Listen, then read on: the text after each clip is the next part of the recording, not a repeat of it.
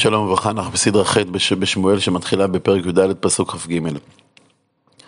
בסדרה הקודמת הפסקנו באמצע הקרב ביונתן במבצע מטורף פרץ עם נושא כליו למחנה פלישתים והחל להכותם. בעקבותיו, בעקבותיו הצטרפו לוחמי צבא ישראל לרדוף אחרי פלישתים. ויושע אדוני ביום את ישראל והמלחמה עבירה את בית אבן. ואיש ישראל ניגש ביום ההוא, וכאן אה, שאול משביע את העם. ויואל שאול את, את העם לאמור, ארור האיש אשר יאכל לחם עד הערב, וניקמתי מאויביי, ולא טעם כל העם לחם. שאול רוצה שהמרדף אחרי פלישתים לא ייעצר, והוא חושש שאם הם יעצרו לאכול לחם, אז הכל ייתקע, ולכן הוא אוסר לאכול שום דבר. ומי שיאכל, מי שיפר את השבועה, הרי הוא הופך את עצמו לאויבו של שאול. נחזור לעם שרודף אחרי פלישתים. וכל הארץ, וכל הארץ באו וירא ויהי דבש על פני השדה. יהודה קיל מסביר שדבורי הבר שהן קונות בין קיקי הסלעים ומנקרות עצים, יוצרות הרבה פעמים דבש בקינים והחום השמש לפעמים גורם לדונג להפשיר ואז הדבש זב על פני השדה. ויבוא עם אל היער והנה הלך דבש ואין משיג ידו אל פיו כי ירא העם את השבוע אף אחד לא מעז לטעום.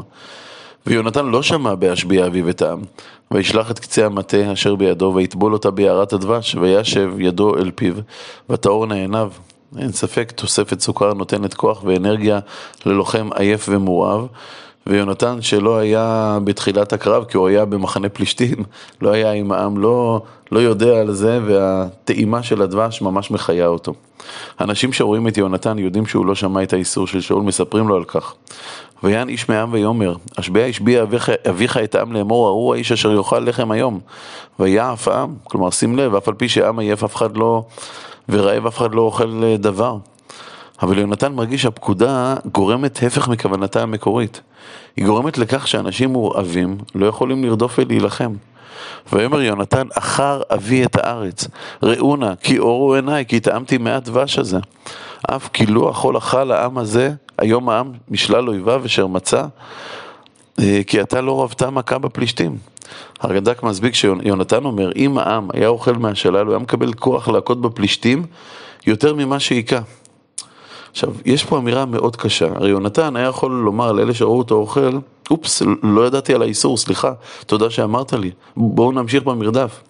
אבל לא, יונתן מביע ביקורת חריפה על אביו המלך, במילים קשות, אחר אבי את הארץ, אה, והוא עושה את זה בפני לוחמים אחרים, זה, זה ממש גובל אה, במרידה. ויכו ביום ההוא בפלישתים ממחמס איילונה ויעף העם מאוד. אכן הרב הכריע אותם, הם אמנם היכו, אבל הכוחות שלהם כלו והמרדף הסתיים. אבל ברגע שהמרדף הסתיים, הם הסתערו על הצאן והבקר שלקחו שלל, וברעבונם הם אכלו אותם על הדם, דבר שאסור מהתורה. ויעט העם אל השלל, ויקחו צאן ובקר ובני בקר, וישחטו ארצה, ויאכל העם על הדם. ויגידו לשאול לאמור, הנה העם חוטאים לאדוני, לאכול על הדם. ויאמר, בגדתם. אכילה על אדם הייתה דרך של עבודה זרה. אומר שאול, אתם בוגדים בהשם. גולו אולי היום אבן גדולה, כדי שאפשר יהיה לשחוט עליה את הבשר כדין. וכעת שאול שולח את מפקדי הצבא שהסתובבו, והכריחו את כולם לבוא ולשחוט את הבשר כדין. ויאמר שאול, פוצו בעם, ואמרתי להם, הגישו אליי איש שורו ואיש שיאו, ושחטתם בזה ואכלתם, ולא תחטאו לאדוני לאכול אל אדם. ואכן כך הם עושים. ויגשו כל העם את איש שורו וידו הלילה, וישחטו שם, ויהי בן שאול מזבח לאדוני, אותו החל לבנות מזבח לאדוני. כעת לאחר, לאחר שהם אכלו, שאול רוצה לנצל את הלילה להמשך מרדף אחרי פלישתים, אבל כמה שמרדף לילי יש בו סכנות, הוא מחליט לשאול באורים ותומים. ויאמר שאול נרדע אחרי פלישתים לילה, ונבוזה בהם עד אור הבוקר, ולא נשאר בהם איש. בהתחלה אומר כל העם, אמרו כל הטוב בעיניך עשה, כלומר לפני שהוא הולך להורים, להורים ותומים, הוא שואל את העם, יש לכם עוד כוח? נרוץ? אומרים לו, אנחנו אחריך. ואז הוא פונה לכהן, ואומר הכהן, נקרבה אלום אל האלוהים? וישאל שאול באלוהים הירד אחרי פלישתים, התתנם ביד ישראל, ולא ענהו ביום ההוא. הקדוש ברוך הוא מסתיר פניו, לא עונה לו. ושאול מרגיש שחוסר התשובה בהורים ותומים היא אמירה על כך שיש חטא בעם. ושאול מנסה לגלות את החטא. ואומר שאול, גושו אלום, כל פינות העם, ודעו, ראו, במה הייתה החטאת הזאת, החטאת הזאת היום? וכאן הוא מוסיף על מנת ללמד שאין לפניו שום משאת פנים, שגם אם אחותו יונתן בנו ימות, כי חי אדוני ומשה את ישראל, כי אם ישנו ביונתן בני, כמות ימות. ואין עונהו מכל העם. חלקם יודע, יודע, יודע שיונתן עבר על השבועה, אבל הם לא מעיזים להפליל אותו. ושאול לא מעלה על דעתו שיונתן הוא החוטא. שאול מפעיל את האורים ותומים וכאן מתחיל אה, לבדוק באמצע, באמצע, באמצעות האורים ותומים מי החוטא. ויאמר אל כל ישראל, אתם תהיו לעבר אחד ואני ויונתן בני נהיה לעבר אחד. כלומר נחפש את החוטא האם הוא בעם או במנהיגים, בשאול וביונתן. ויאמרו אל שאול הטוב בעיניך עשה. לפני חמישה פסוקים אמרו כל הטוב בעיניך עשה, אבל כעת שחייו של יונתן בסכנה הם לא מסוגלים לומר כל הטוב בעיניך עשה, אלא אומרים לו כמו עבדים לפני אדונם כל הטוב, בעיני, הטוב בעיניך עשה. ויאמר שאול אל אדוני אלוהי ישראל, הווה תמים, כלומר בוא תעשה גורל אמת. וילחץ יונתן ושאול ועם יצאו. עם יצאו נקיים, החטא נמצא בשאול או ביונתן. ויאמר שאול, הפילו ביני ובין יונתן בני, וילכד יונתן. ויאמר שאול אל יונתן, אגידה לי, מה עשית? ויגיד לו יונתן, ויאמר תאום טעמתי בקצה המטה אשר בידי מעט דבש, הנני אמות. כלומר, אני מוכן למות. יונתן לא טוען, שוגג הייתי, לא ידעתי על הגזרה שלך, אולי כי שגגה היא עניין המסור ללב. אמנם הוא לא היה באותה, באותו מעמד שבו שאול גזר, אולי נודע לו ובכל אופן הוא אכל. לי נראה שיונתן חש כי אכן הוא חטא, אבל אולי לא באכילה אלא באמירה שאותה הוא אמר לסובבים אותו לאחר שאכל. אמירה שבטח נלחשה מאיש לחברו והוא מוכן לתקן זאת על ידי מסירת עצמו למיתה. ויאמר שאול כה יעשה אלוהים וכה יוסיף כי מות תמות יונתן, אכן תמות. אבל כאן העם מתקומם. הוא לא יכול לראות את העוול הזה מתחולל לנגד עיניו. ויאמר העם אל שאול, היונתן ימות, אשר עשה הישועה הגדולה הזאת בישראל? חלילה, חי אדוני אם יפול משערת ראשו ארצה, כי אם אלוהים עשה היום הזה. כלומר, הישועה שיונתן עשה היא, היא הייתה עם אלוקים. לא יכול להיות שאלוקים יעשה ישועה לחוטא. על כן ברור ש, שהוא היה שוגג, או, ולכן ויפדו העם את יונתן ולא מת.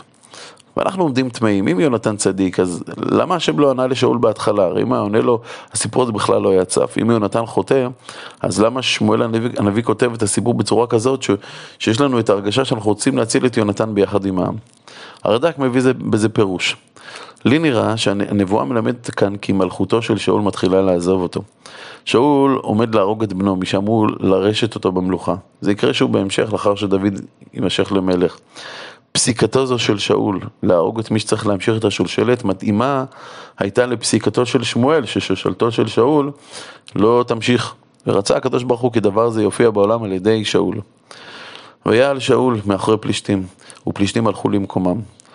ושאול אחד המלוכה על, ישראל, כלומר מלכותו של שאול על ישראל קיבלה תוקף על ידי הניצחונות שלו, וילחם סביב בכל אויביו במואב ובבני עמון ובאדום ומלכי צובה ובפלישתים ובכל אשר יפנה ירשיע, כלומר יצליח. ויעש חיל ויח את עמלק ויצל את ישראל מיד שוסהו. כאן הכתוב מביא את תיאור משפחתו של שאול.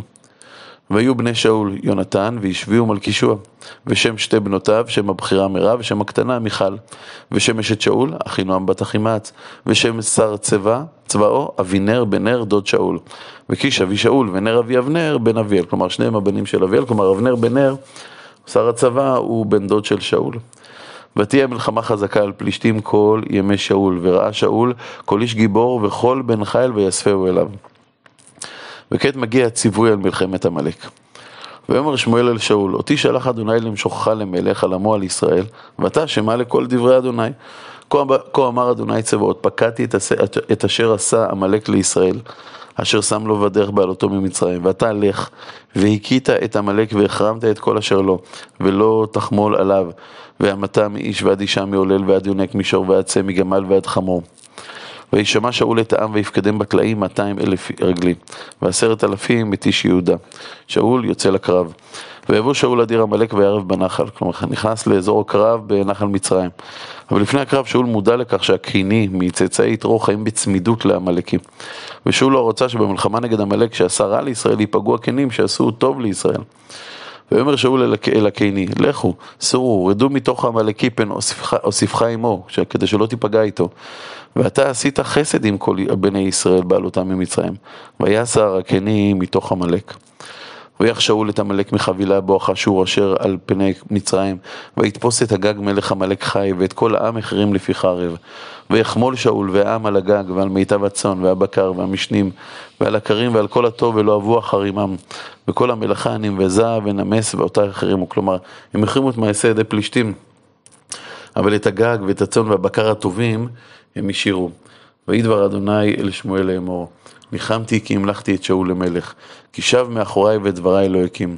ואיחר לשמואל ויזעק אל אדוני כל הלילה. לאחר החטא הראשון נגזר שהשולשלת של שאול לא תמשיך למלוך, אבל כאן נגזר ששאול עצמו יאבד את המלוכה. ושמואל שכל כך אוהב את שאול מתקשה לעמוד בגזרה הנוראית הזאת, ויזעק אל השם כל הלילה. וישכם שמואל לקראת שאול בבוקר, ויוגד לשמואל לאמור, בא שאול לכרמלה, והנה מציב לו יד. מצודות מסביר שהוא הכין מקום שבו יחלק את השלל. וייסוב ויעבור וירד הגלגל. ויבוא שמואל אל שאול, ויאמר לו שאול, ברוך אתה לאדוני, הקימותי את דבר אדוני. ויאמר שמואל, ומה כל הצאן הזה באוזניי, וכל הבקר אשר אנוכי שומע. שמואל שומע את המה של הצאן, ושואל, ומה כל הצאן הזה באוזניי? ויאמר שאול, מעמלקי הביאום, אשר חמל לעם על מיטב הצאן והבקר. אבל שאול מוסיף ומסביר שהם עשו את זאת לשם שמיים, למען זבוח לאדוני אלוהיך ואת היותר החרמנו. ויאמר שמואל אל שאול הרף, כלומר תעזוב את דבריך, ואגידה לך את אשר דיבר אדוני אליי הלילה. ויאמר לו, דבר. עד כאן סוף הסדרה. ואנחנו שואלים את עצמנו, איך שמואל הנביא, הנביא היחיד שנשק למלך, יספר למלך שהוא כל כך אוהב את הבשורה הנוראית. זאת ועוד בעזרת השם בסדרה הבאה.